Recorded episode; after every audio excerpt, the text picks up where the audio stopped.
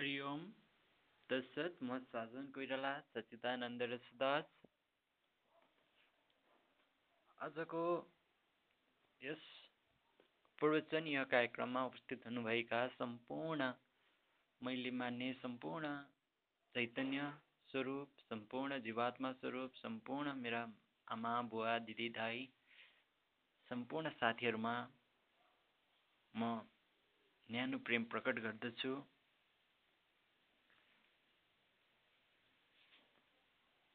अध्यात्मको खोजी भनेको आफ्नो अनु आफूलाई अनुभव अनुभव गरिरहनु हो। होइन? तपाईँ आफूलाई कसरी अनुभव गर्नुहुन्छ?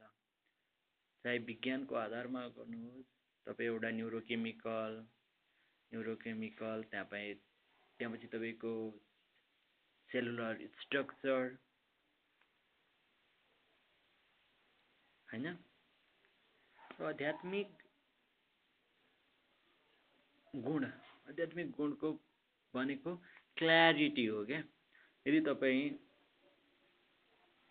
जीवनको बारेमा पूर्ण रूपले क्ल्यारिटी क्लियरिफाई हुनुहुन्छ होइन स्पष्ट हुनुहुन्छ भने तपाईँ आध्यात्मिक व्यक्तित्व हो तर तपाईँलाई जीवनको बारेमा अन्यलता छ जीवन अन्यल लाग्छ भने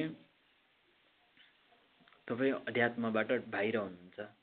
र जीवनको यथार्थ परिचय कहिले प्राप्त गर्न सकिँदैन तर क्ल्यारिटी भने प्राप्त गर्दै जानुपर्छ।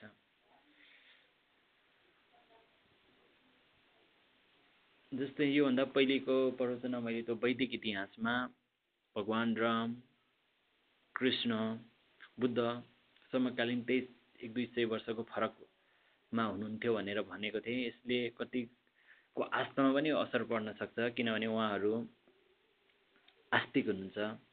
होइन? आस्तिकको अर्थ हुन्छ ना नास्तिक आस्तिक भन्ने चिज फरक चिज होइन क्या? आस्तिक भनेको आस्तिक र नास्तिक दुइटै इमोसनल चिज हो। तपाईँ कुनै पनि चिजमा नास्तिक हुनुहुन्छ त्यो पनि इमोसनल हो। कुनै चिजमा तपाईँ आस्तिक हुनुहुन्छ त्यो पनि तपाईँको इमोसनल हो। र इमोसनल यस्तो पावरफुल चिज हो कि तपाईँ कुनै पनि चिजमा इमोसनल हुनुहुन्छ। त्यसले तपाईँलाई ब जीवन्त पनि राख्छ बचाएर पनि राख्छ जीवन्त मारेर पनि राख्छ होइन? जस्तै तपाईँ प्रेममा पर्नुहुन्छ त्यही इमोसनलको कारणले गर्दा तपाईँ कसैले तपाईँलाई सम्मान गर्दा अथवा तपाईँले सम्मान पाउँदा होइन? तपाईँलाई कसैले मान्दाखेरि तपाईँलाई जुन किसिमको आनन्द अनुभूति हुन्छ त्यो सब इमोसनलको बेसमा हुनुहुन्छ होइन? तपाईँ आँसु झार्नुहुन्छ भजन गाउनुहुन्छ कीर्तन गाउनुहुन्छ कति मिठास छ कति प्रेम छ होइन? प्रेमको बाटो हो इमोसनल तर अध्यात्ममा अर्को कुरो के क्लियर हुनुपर्छ भन्दाखेरि आवश्यकता र इच्छा। यो दुईवटा दुईवटाको चुनावमा जसले चाहिँ आवश्यकतालाई चाहिँ रोज्छ त्यो चाहिँ आध्यात्मिक गुणवाला व्यक्ति हो। जस्तै तपाईँ जिन्दगीको यात्रामा हरेक चिजमा तपाईँले आवश्यकता निडलाई चाहिँ हेर्नुभयो डि डिजायरलाई भन्दा होइन? आवश्यकतालाई हेर्नुभयो इच्छालाई भन्दा भने। त्यो जसले आवश्यकता रोज्न जान्दछ उसले आफ्नो आत्माबोध चैतन्यको बोध गर्दछ।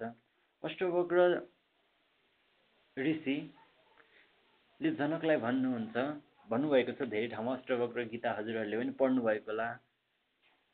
अष्टवक्र गीतामा भन्नुहुन्छ जसरी समुद्र समुद्रको छाल होइन? र समुद्रमा त्यो बुलबुला जसरी आउँछ र त्यो समुद्रभन्दा पृथक हुँदैन।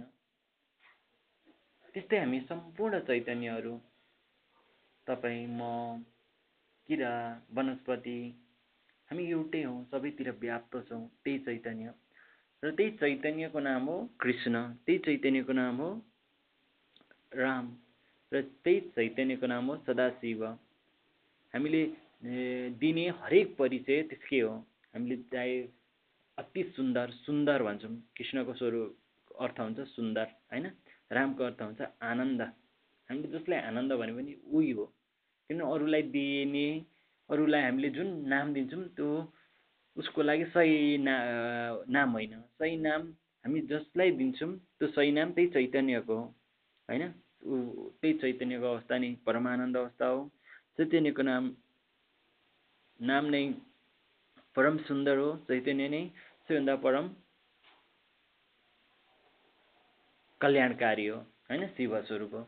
भनेपछि हामीले चाहे विश्वको जुनै ठाउँमा बसेर विश्वको जुनसुकै भाषा बोलेर अथवा विश्वको जुनसुकै भाषा बोलेर नबोलेर जे अनुभूति गर्छौँ जे देख्छौँ जे भइरहेछ त्यो हरेक चैतन्य हो। होइन?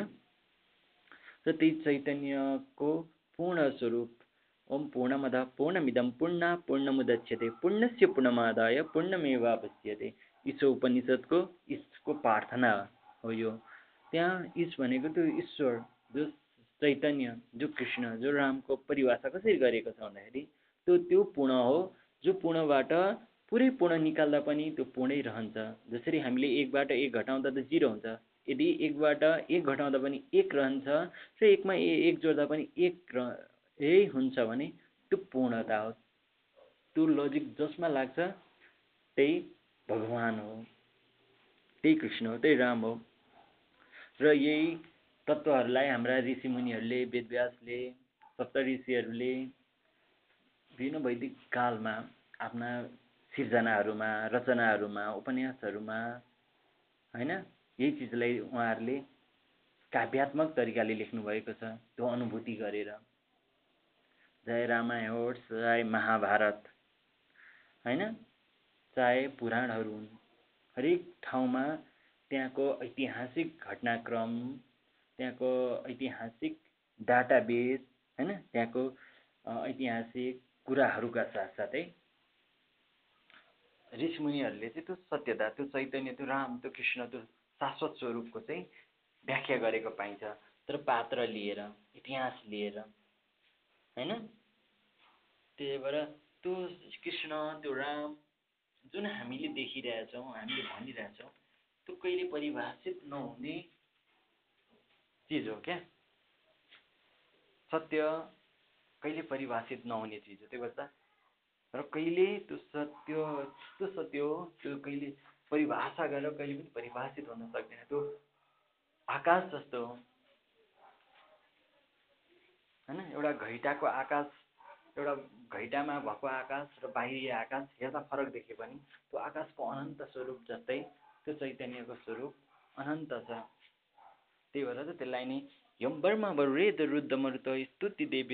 वेदै साङ्गपद पनि सधैँ गायन्त्यम सामगा ध्यानं तद्गत मनसा पश्यन्त्यम योगिनो। यस्यन्तन विदु सुर सुरगणा देवाय तस्मै नम। यम ब्रह्मा विष्णु महेश सम्पूर्णले ध्यानले पनि जसलाई जसलाई नमस्कृत गरिरहनु भएको छ। योगीहरूले योग तपद्वारा ध्यानले ध्यानीद्वारा जसलाई प्राप्त गर्न खोजिरहनु भएको छ र विभिन्न सुर तर असुरहरूले पनि। जसको वास्तविकताको गहिराई पत्ता लगाउनु छैन त्यस्तो अनन्त स्वरूप त्यो अनन्य चैतन्य स्वरूपलाई नै इस भनिन्छ ईश्वर भनिन्छ त्यो पूर्ण छ होइन? त्यो त पूर्णमद पूर्णमिदम पूर्ण पूर्णमुदच्यते पूर्णस्य पूर्णमादाय पूर्णमेव भइस्यते यसो उपनिषदमा व्याख्या गरेको छ यही तत्त्वलाई पात्र बनाएर यिनीहरूको लीलालाई लेखिएको छ रचनालाई लेखिएको छ। किन? किनभने हामी इमोसनल छौँ हामी मानिस मान्छेको स्वभावै इमोसनल छ। ऊ इमोसनल कथाहरू सुन्न चाहन्छ तर उसले इमोसनल पढ्दा पनि त्यो चैतन्यको अनुभूति गर्न सकोस्। त्यसकै लीलाहरूमा मन लगाउन सकोस् भनेर हरेक ऐतिहासिक कालखण्डका होइन? ऐतिहासिक कालखण्डका घटनाहरू ऐतिहासिक कालखण्डका ज्ञानहरू सँगसँगै उपन्यासमा हालेर त्यसको सँगसँगै त्यो पात्र चाहिँ त्यो चैतन्यलाई एउटा व्यक्तिपरकको रूपमा देखाइएको छ। र जसरी देखाएको छ त्यही सत्य होइन। किनभने त्यो सत्य अपरिभाषित हो। होइन? अब म मेरो कुरामा तपाईँले भन्नुहोला अरे यार त्यसो भए यत्रो भागवत भगवद् गीता रामायण त्यो पात्र सबै गलत हो। मैले पहिले नै भनिसकेँ तपाईँहरूलाई किनभने भा श्रीमद् भागवतै भन्छ।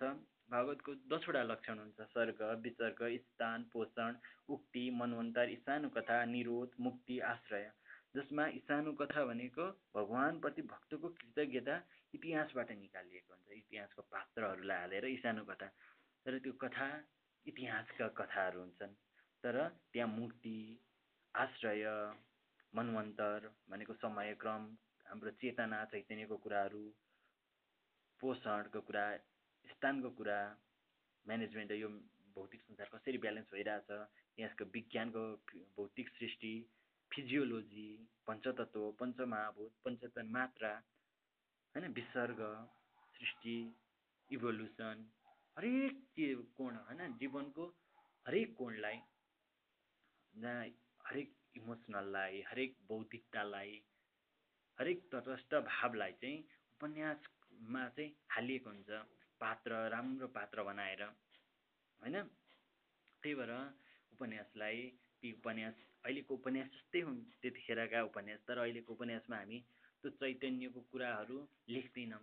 होइन? त्यो चैतन्यलाई पात्र बनाउँदैनौँ। त्यतिखेर चैतन्यलाई पात्र बनाइन्थ्यो। त्यही भएर सम्पूर्ण महाभारत जुन चार सय बिसीमा लेखिएको छ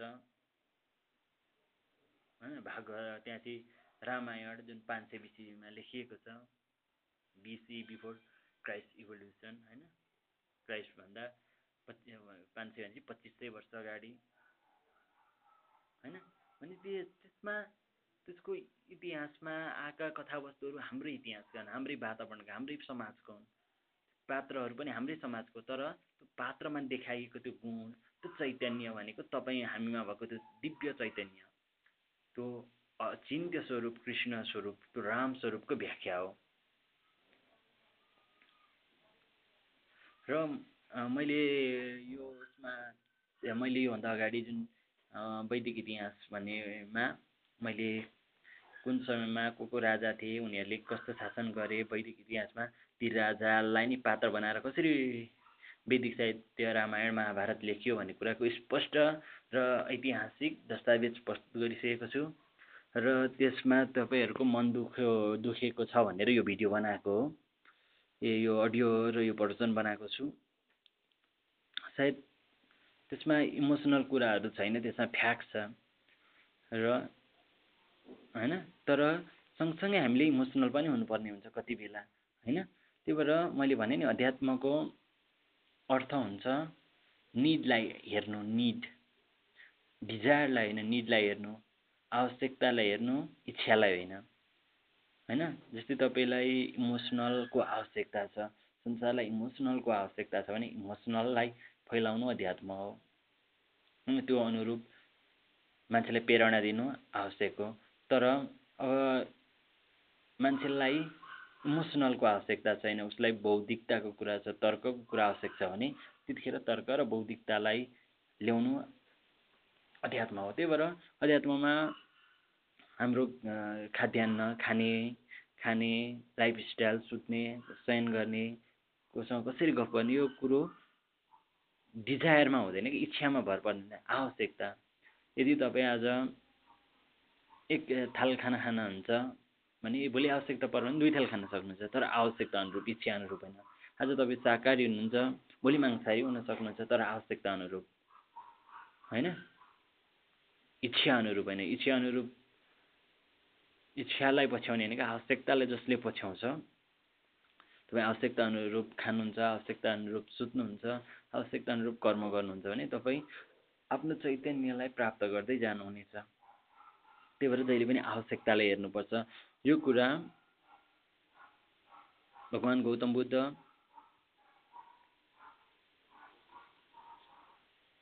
महावीर जैन अष्टवक्र र सद्गुरुहरूले भन्नुहुन्छ हरेक चिजको चाहे त्यो ज्ञान होस् चाहे जे पनिको पात्र परिस्थिति र समयअनुरूप फरक पर्न सक्छ। किनभने कसैको आवश्यकता पात्र परिस्थिति र समयले फरक पार्न सक्छ। त्यही भएर हामीले व्यक्तिको आवश्यकतालाई बुझ्नुपर्छ डिजायरलाई होइन। होइन?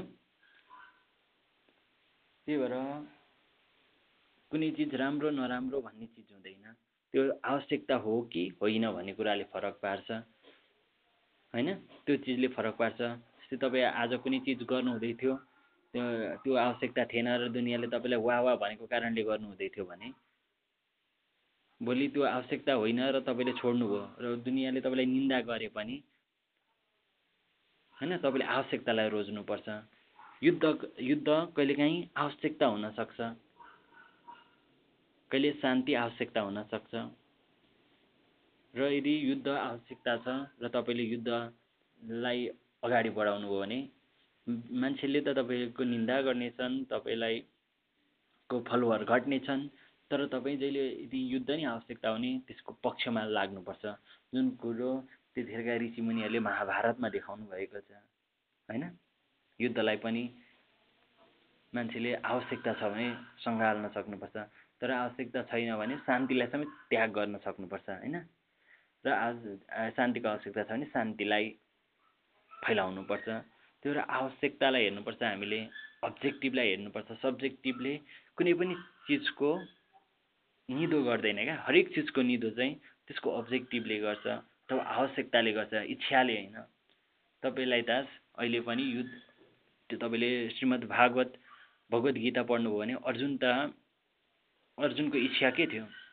युद्ध नगर्ने युद्धबाट भाग्ने थियो। तर भगवान् श्रीकृष्ण के चाहनुहुन्थ्यो। किनभने त्यहाँ त इच्छाको होइन त्यहाँ त के को आवश्यकता थियो? लडाइँको आवश्यकता थियो? युद्धको आवश्यकता थियो? किन त्यहाँ देशको कुरा थियो? राज्यको कुरा थियो? होइन? त्यहाँ राज्य सँगसँगै धर्म राज्यको धर्म राज्यको कुरो थियो? एकताको कुरो थियो? त्यो भएर आवश्यकतालाई चाहिँ त्याग्न खोज्दै थियो अर्जुन। होइन यार उनी इच्छा भन्थ्यो म त यार शान्त हुन चाहन्छु युद्ध गर्न चाहन्न भन्थ्यो तर त्यहाँ आवश्यकता के को थियो? लडाइँको थियो। त्यो भएर लडाइँ गर्नु कर्तव्य थियो। र कहिलेकाहीँ हामी बेकारमा लडाइँ गरिरहन्छौँ जब त्यहाँ चाहिँ आवश्यकता शान्तिको हुन्छ। त्यो बेलामा ल लडाइँ होइन शान्तिलाई अँगाल्नु आफ्नो चैतन्यतिर फर्किनु र आध्यात्मिक गुणको विकास गर्नुहुन्छ। त्यही भएर यसमा शान्ति खोज्दैमा आध्यात्मिक हुने र युद्ध रोज्दैमा आध्यात्मिक गुम्ने भन्ने चिज होइन। जसले आफ्नो आवश्यकता अनुरूप आवश्यकता समाजलाई के आवश्यकता छ आफूलाई के आवश्यकता छ विश्वलाई सुन्दर बनाउन र यसमा उत्सव र चैतन्यमा फर्किन के आवश्यकता छ त्यही अनुरूप चाहिँ आवश्यकतालाई चाहिँ आधार मानेर जो अघि बढ्छ। उसको त्यही भएर कुनै पनि एक्ज्याक्ट नियम हुँदैन चाहे त्यो खानामा होस् शाकाहारी भन्ने वा मांसाहारी भन्ने। सुत्ने कति सुत्ने कति नसुत्ने कति पढ्ने कति नपढ्ने अथवा कोसँग कस्तो व्यवहार गर्ने कसरी नगर्ने। यो हरेक कुरो कुनै चिजमा लेखेर होइन क्या। आवश्यकता अनुरूप हुन्छ। यदि भोलि यस्तो चिजको आवश्यकता पऱ्यो स्वयं म शाकाहारी व्यक्तित्व पनि मांसाहार भन्नुमा पर्ने आवश्यकता पऱ्यो भने इच्छा होइन आवश्यकता छ भने त्यतिखेर म मांसाहार ग्रहण गर्न सक्छु। र म मांसाहार ग्रहण गरिरहेको छु भोलि आवश्यकता शाकाहारी भोजनको आवश्यकता पऱ्यो भने म शाकाहारी भन्न सक्छु। मेरो लडाइँ खानामा होइन मेरो लडाइँ आवश्यकतामा हो। म आज मेरो आजको आवश्यकता आठ घन्टा सुत्नु छ भने आज म आठ घन्टा सुत्छु भोलि मेरो आवश्यकता चार घन्टा मात्रै सुत्नु छ भने म चार घन्टा सुत्छु। मेरो लक्ष्य चार घन्टा सुत्ने वा आठ घन्टा सुत्ने होइन। आवश्यकतामा भर पर्छ। के आवश्यकता छ? इच्छामा होइन। र यो सबै कुरा भन्दाखेरि म एउटा कुरो तपाईँहरूलाई दोहोऱ्याउन चाहन्छु। यस्तै आवश्यकता अनुरूप यही आवश्यकता अनुरूप हामीले एउटा नेपालमा एउटा एउटा खतरा परिवर्तनकारी होइन? परिवर्तनको आवश्यकता अनुरूप कति मान्छेले आफ्नोलाई आफ्नो शरीर पनि त्याग गर्न तयार हुन्छन् होइन? हामीले सबैभन्दा बढी माया गर्ने आफ्नो शरीरलाई हो। होइन? कसरी उनीहरू त्याग गर्न सक्छन्? आवश्यकता छ भने त्याग गर्न पनि सक्छन्। र यदि आवश्यकता छ भने अर्को ज्यान लिन पनि सक्छन् दिन पनि सक्छन् लिन पनि सक्छन्। यहाँ ज्यान लिने र दिने दुईवटा चिज हुनसक्छ तर अध्यात्ममा आवश्यकता हुन्छ। आवश्यकता के चाहन्छ संसार होइन? प्रकृति आनन्द हेतु चैतन्य हेतु प्रकृतिमा एकता हेतु सत्यको बाटोमा लानको हेतु होइन? त्यसको अनुस्वरूप आवश्यकता अनुरूप काम गर्नुपर्ने हुन्छ। त्यो भएर जसले चाहिँ आफ्नो जीवनमा कुनै पनि चिजमा नियममा नियममा हिँडेको हामीले देखिन्छ एउटै नियममा हिँड्नु ठुलो कुरो होइन। तर जसले आवश्यकता अनुरूप नियम बनाउन सक्छ त्यो चाहिँ ठुलो कुरो हो। फेरि एकचोटि भन्छु हामीले एउटै नियममा हिँड्नु ठुलो कुरो होइन। एउटा मान्छे शाकाहारी त जीवनभरि शाकाहारी हुनु ठुलो कुरो होइन। एउटा मान्छे मांसाहारी त जीवनभरि मांसाहारी भन्नु ठुलो कुरो होइन। तर के आवश्यक छ त्यो अनुरूप गर्न सक्नु ठुलो कुरो हो। एउटा मान्छे आठ घन्टा सुत्दै आठ घन्टै सुत्नु ठुलो कुरो होइन। एउटा मान्छे चार घन्टा सुत्दै चार घन्टै सुत्नु ठुलो कुरो होइन। के चिज आवश्यकता छ त्यो गर्नु सबैभन्दा ठुलो कुरो हो। चाहे त्यो स्वा आफ्ना स्वास्थ्यको लागि होस् चाहे सम्बन्धको लागि होस् चाहे आध्यात्मिक प्रेमको लागि होस्। त्यस्तै एउटा व्यक्ति हुनुहुन्छ। जसले चाहिँ आजकै दिन हरिशयनी एकादशीकै दिन अडसट्ठीजनाहरूले चाहिँ अरुण नदीमा हाम फालेर आत्मदाह गर्नुभएको थियो। यदि भनेपछि हामीले कतिले त चिन्छौँ होला हामी कतिले चिन्दिनौँ। यो किन आवश्यकता थियो? तपाईँलाई लाग्दो यार किन यत्रो अडसठीजनाले आत्महत्या गरेको? यार जीवन त्यतिखेर फ्याले यार जस्ता। आवश्यकता भन्ने कुरो ठुलो हो क्या। त्यतिखेर के आवश्यकता थियो त्यही अनुरूप गर्ने। तर त्यो व्यक्ति हुनुहुन्थ्यो योगमाया नेउपाने र उहाँ योगमाया नेउपानेलाई आज सम्झि सम्झेर उहाँको लेख उहाँले भन्नुहुन्थ्यो माया त्याग्न सजिलो छ लोभ त्याग्न कोटी लोभी चित्त भयो भने कर्म हुन्छ खोटी। योगमाया नेउपानेले भन्नुहुन्थ्यो। माया त्याग्न सजिलो छ लोभ त्याग्न कोटी लोभी चित्त भयो भने कर्म हुन्छ खोटी। माया त्याग्न त सजिलो छ तर लोभ त्याग्न गाह्रो हुन्छ। लोभी चित्त भयो भने हामीले गरेको कर्म खोटी बन्छ भनेर योगमाया नेउपाने भन्नुहुन्छ। उहाँ एक आध्यात्मिक लिडर हो चैतन्य हो होइन? उहाँले आवश्यकता परेको बेला आफू र आफू जस्ताले आफ्नो शरीर त्याग गरिदिनु भयो होइन? त्यो भएर म जहिले के भन्छु हामीले हामीले आज पनि नारीवाद अनि हामी समानताको कुरा गर्छौँ तर आवश्यकताको कुरा गर्नुपर्छ कि आध्यात्मिक व्यक्तिले। अर्को भन्छ घटिया काम नभई दौलत जम्दैन। होइन भन त कोही पाउँदैन। होइन घटिया काम नगरिकन धन कमाइँदैन। यदि कोहीले होइन भन्छ भने त्यो होइन भन्न पाइँदैन है भन्नुहुन्छ। नेपाली सामाजिक सुधारका लागि सङ्गठित र सङ्गठित रूपले धेरै आन्दोलन भएका छन्। होइन हाम्रो हामी चाहिँ हामी आफू समाजको परिवर्तन जुन वैदिक कालदेखि समाज परिवर्तन हुँदै आउँदा कति सामाजिक कुरीति अन्धविश्वास भेदभाव आदि विषयमा चाहिँ बढ्दै पनि आएको छ र कति निरङ्कुश शासनबाट केही सुधारका प्रयास पनि भएका छन्। जस अनु अनुसार एक सय चार वर्षमा चलेको राणा शासनले त्यस समयमा पनि जातीय र महिला भेदभाव हिंसा अन्त्यको लागि सरकारको तर्फबाट केही सामाजिक सुधार गरेको थियो होइन? जसको अनुरूप हामीले त्यतिखेर पाउन सक्छौँ यो सती प्रथा। होइन यस्ता विभिन्न किसिमका प्रथाहरू हटाएको थियो। तर सँगसँगै हरेक हामी यो यो संसारले नयाँ नयाँ आवश्यकता खोज्छ। त्यही आवश्यकता अनुरूप सङ्गठित हुने र आवश्यकता अनुरूप कर्म गर्ने हामीमा खुबी हुनुपर्छ। चाहे त्यो हाम्रो शिक्षा पनि इच्छा अनुरूप होइन क्या? आवश्यकता अनुरूप खालको शिक्षा हुनुपर्छ। आज के आवश्यकता छ त्यही शिक्षा हामीले लिनुपर्छ। तर हाम्रो जीवनलाई जब आवश्यकता अनुरूप हामीले हेर्छौँ हामी चैतन्य र आनन्दको अनुभूति गर्न सक्छौँ। सङ्गठित रूपमा जनस्तरबाट समाज सुधारको आन्दोलन विक्रम विक्रमसोत उन्नाइस सय सत्तरीदेखि अस्सरी अस्सी उन्नाइस सय सत्तरीदेखि अस्सीको दशकमा दिव्य दिव्या कोइराला भनेको चाहिँ विश्व विश्व प्रसाद कोइराला जो चाहिँ समाज सुधारक नेपाली काङ्ग्रेसको लिडर र साहित्यकार हुनुहुन्थ्यो। उहाँको आमाबाट सुरु भएको थियो। होइन? एउटा महिलाबाट यहाँ परिवर्तनको कुरा सुरु हुन्छ। यदि उहाँले आवश्यकता बुझ्न सक्नुभयो भने हामीले चाहिँ आध्यात्मिक भन्ने बित्तिकै ए टिका लगाउने भक्तिकै कुरा गर्ने अथवा प्रेमकै मात्र कुरा गर्ने भन् भन्ने कुरो होइन। जसले आवश्यकताको कुरा गर्छ त्यो आध्यात्मिक हो। होइन आज भौतिक संसारमा मान्छे पिरलिरहेछ नि त्यो बेला प्रेमको कुरा गर्नु यतिखेर आनन्दको कुरा गर्नु उनीहरूलाई ध्यानमा लगाउनु योगमा जोड्नु आध्यात्मिक हुनसक्छ। र भोलि यही ध्यान योग फेसन बन्न सक्छ मान्छेको किन् किन्ने चिज बन्न सक्छ व्यवसाय बन्न थाल्यो भने त्यस त्यसकै विरुद्धमा बोलेर उनीहरूलाई व्यवहारिक र यथार्थपरकमा लगाउनु पनि अध्यात्म हुन सक्छ। कुनै बन्धनमा राख्ने होइन कि? उसलाई स्वतन्त्र रूपले चैतन्यमा फर्काउनु अध्यात्म हो। उसलाई इच्छाबाट बाहिर निकालेर आवश्यकतामा रूपान्तरित गर्नु अध्यात्म हो। अध्यात्मको लक्षण हो। होइन? अध्यात्म त हाम्रो स्वरूप हो। र उन्नाइस सय सत्तरीदेखि अस्सीमा दिव्य कोइरालाबाट महिला समितिको नाममा भएको अभिलेख पाइन्छ।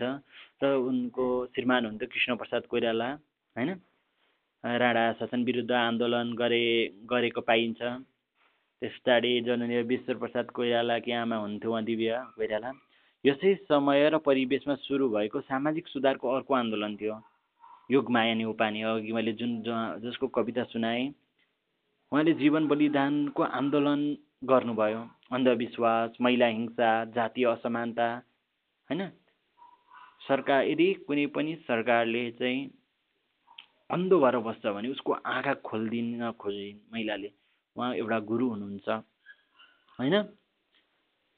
उहाँले विक्रम चौध उन्नाइस सय अन्ठाउन्न साल असार एकतिस गते हरिशयनी आजकै दिन अठसट्ठीजना आफू मात्र होइन अठसट्ठीजनाले चाहिँ अरुण नदी पूर्वको अरुण नदी धनकुटादेखि तम्मर तम्मर भयो अरुण र तम्मर त्यही छेउमा पर्छ। त्यहाँ हरिसेन एकादशीको दिन युगमायासहित अठसट्ठीजनाले अरुण नदीमा हाम फालेर आत्मादह गर्नुभयो। तर यहाँ तिथिमिथिमा अलिकति फरक पर्न सक्छ।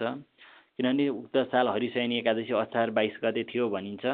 जो असार आजको दिन हरिशयनी एकादशीको दिन थियो भन्ने कुरो चाहिँ मेन हो।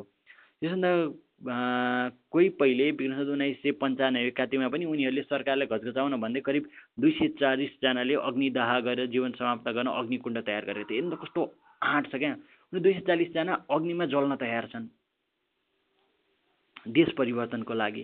त्यस्तो थिए महिलाहरू उनीहरू त्यतिखेरको आवश्यकताको लागि आफूलाई मरिमेट्न तयार थिए। यही त हो नि अध्यात्मको खुबी। जहाँ अर्जुन धर्मको लागि आफू मर्न र आफ्नालाई आफ्नालाई मार्न तयार हुनुहुन्छ। जहाँ भीष्म पितामह आफ्नो प्रतिज्ञा त्याग्न तयार हुनुहुन्छ। जहाँ राम सीतालाई त्याग गर्न तयार हुनुहुन्छ। जहाँ सीता रामलाई त्याग गरेर आफै जङ्गलमा बास बस्न तयार हुनुहुन्छ। जसले आवश्यकतालाई हेर्छ त्यो सत्य हुन्छ। यहाँ पनि त्यही देखिन्छ युगमाया न्यौपाने उहाँ आमा उहाँ योगी हुनुहुन्छ। उहाँले दुई सय चालिसजना अग्निदाहमा जीवन समाप्ति गर्न अग्नि तयार गरेका थिए। तर सरकारका बडा हाकिम माधव शमशेर राणाको नेतृत्वमा गएको सुरक्षा फौजले उनीहरूलाई घटाउनुभन्दा अगाडि पक्राउ गरेर जेलमा राखेको थियो। जेलमा युगमा जस्तै एघारजना पर्नुभएको थियो। धनकुटाको जेलमा होइन? उहाँले पछि त्यही धनकुटाकै अरू नदीमा भालेर देहत्याग गरिदिनु भयो र उहाँहरूले मर्ने छैन भनेपछि उनीहरूलाई छोडियो। र योगमायाको नेतृत्वमा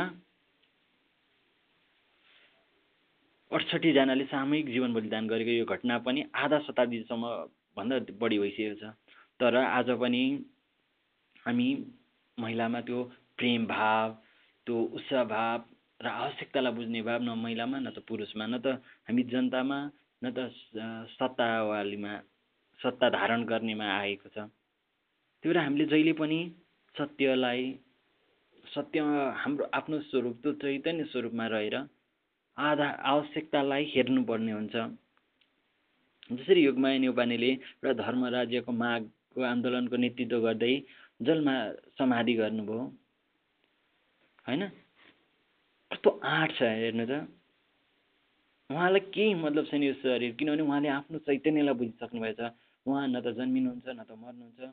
उहाँ त नित्य सधैँ रहिरहने हो भन्ने बुझ्नुभएको छ। उहाँले तिन उहाँको तस्बिर हेर्नुभएको होला। उहाँले ती तिन योगी हुनुहुन्थ्यो उहाँ। होइन? उहाँलाई केही आफ्नो निजी केही आवश्यकता थिएन। उहाँ आव संसारको आवश्यकता के छ? त्यसैको महिलाहरूको आवश्यकता के छ? त्यसैको समाजलाई के आवश्यकता छ? त्यो अनुरूप आफ्नो ज्यान र अरू अरूलाई पनि त्यस्तो मोटिभेट गरेर एक किसिमको दबाब दिने होइन? जुन त मा हामीले अब महात्मा गान्धीलाई हेर्छौँ महात्मा गान्धीले गर्नुभयो तर हेर्नु त यो कतिको आँट हो? यो चिज हामीले बिर्सिनु हुँदैन। नेपालको इतिहासको एकदम ठुलो योगी आध्यात्मिक चेतना भएको व्यक्तित्व हामीले योग मायालाई लिनुपर्छ। जस्तो नाम छ योगमाया भनेको चाहिँ योग योगमा रहेर आफ्नो चैतन्यमै रहेर एक्टिङ गर्नुलाई योगमाया भनिन्छ होइन? जस्तो नाम छ उहाँको त्यस्तै काम छ। होइन? अठसट्ठीजनाले त एकैसाथ जीवन बलिदानका लागि सामूहिक आत्मदाह नै गरेका थिए। उनीसँग जेल परेका रत्नमानले जेलभित्रै निधन भए भएको थियो। होइन? रत्नमान भन्ने हुनुहुन्थ्यो। आज हामीले उहाँलाई पार्क बगैँचामा केही ठाउँमा उहाँको नाम लेखि लेखिएको छ लेखिनुपर्छ। तर हामीले उहाँलाई चाहिँ बेसिनुहुन्न क्या। उहाँको नाम पार्कमा उसमा लेख्नु हाम्रो मनमा लेखिनुपर्छ। त्यो चैतन्यको कथा हाम्रो मस्तिष्कमा लेखिनुपर्छ जसले गर्दा हामीमा पनि इच्छाभन्दा आवश्यकतालाई रोज्न सकियोस्। होइन? शारीरिक कुरा र बाह्य कुराभन्दा चैतन्य र प्रेमलाई रोज्न सकियोस्। होइन?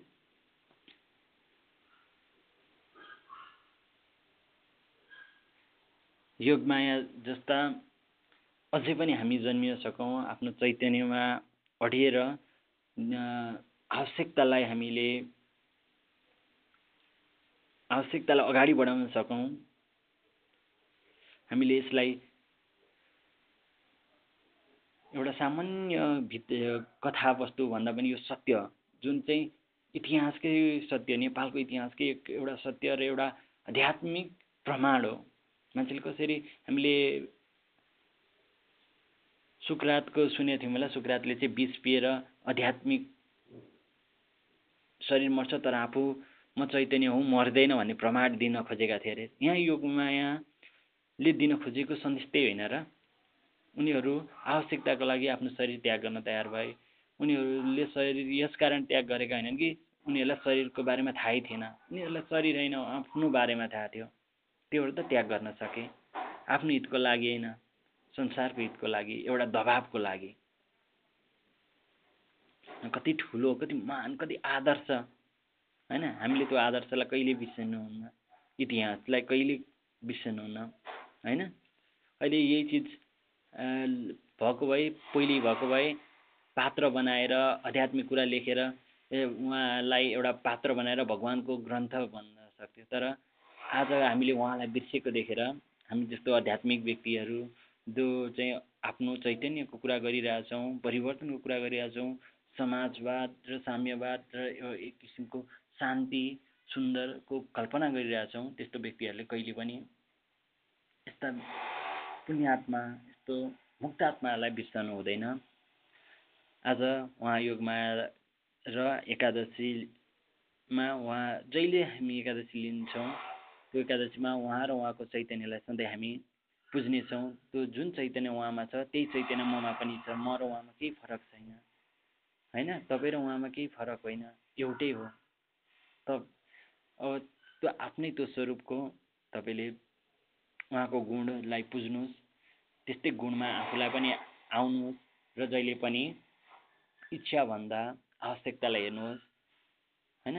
र आवश्यकता अनुरूप कहिलेकाहीँ तपाईँ भक्ति गर्नुपर्ने हुन्छ कहिलेकाहीँ ज्ञानको कुरा कहिलेकाहीँ द्वन्द्व कहिलेकाहीँ युद्ध कहिलेकाहीँ शान्ति जीवन हो लीला हो। होइन? नि लीला गर्नुहोस् रमाउनुहोस्।